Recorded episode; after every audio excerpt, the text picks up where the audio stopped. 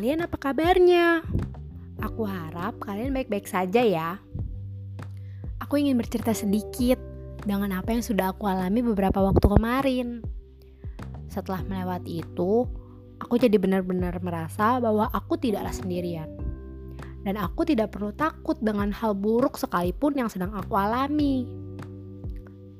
Karena setelah badai akan ada pelangi kan? Begitupun hal buruk.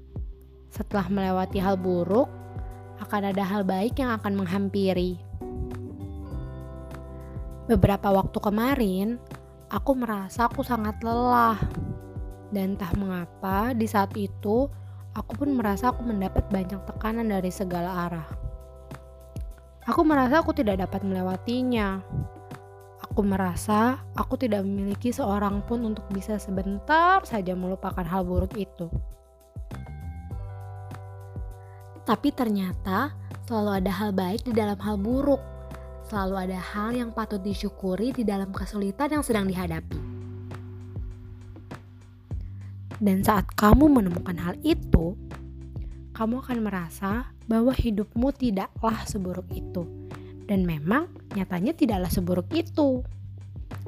Dan setelah badai itu terlewati, akan ada pelangi yang menghampiri, dan kamu akan menyadari bahwa kamu tidaklah selemah itu, dan kamu pasti bisa melewati apa pun asal kamu percaya pada dirimu. Dan sekarang, aku merasa hal baik itu sedang datang kepadaku. Aku harap kalian juga bisa melewati badai apa pun yang ada di depan kalian.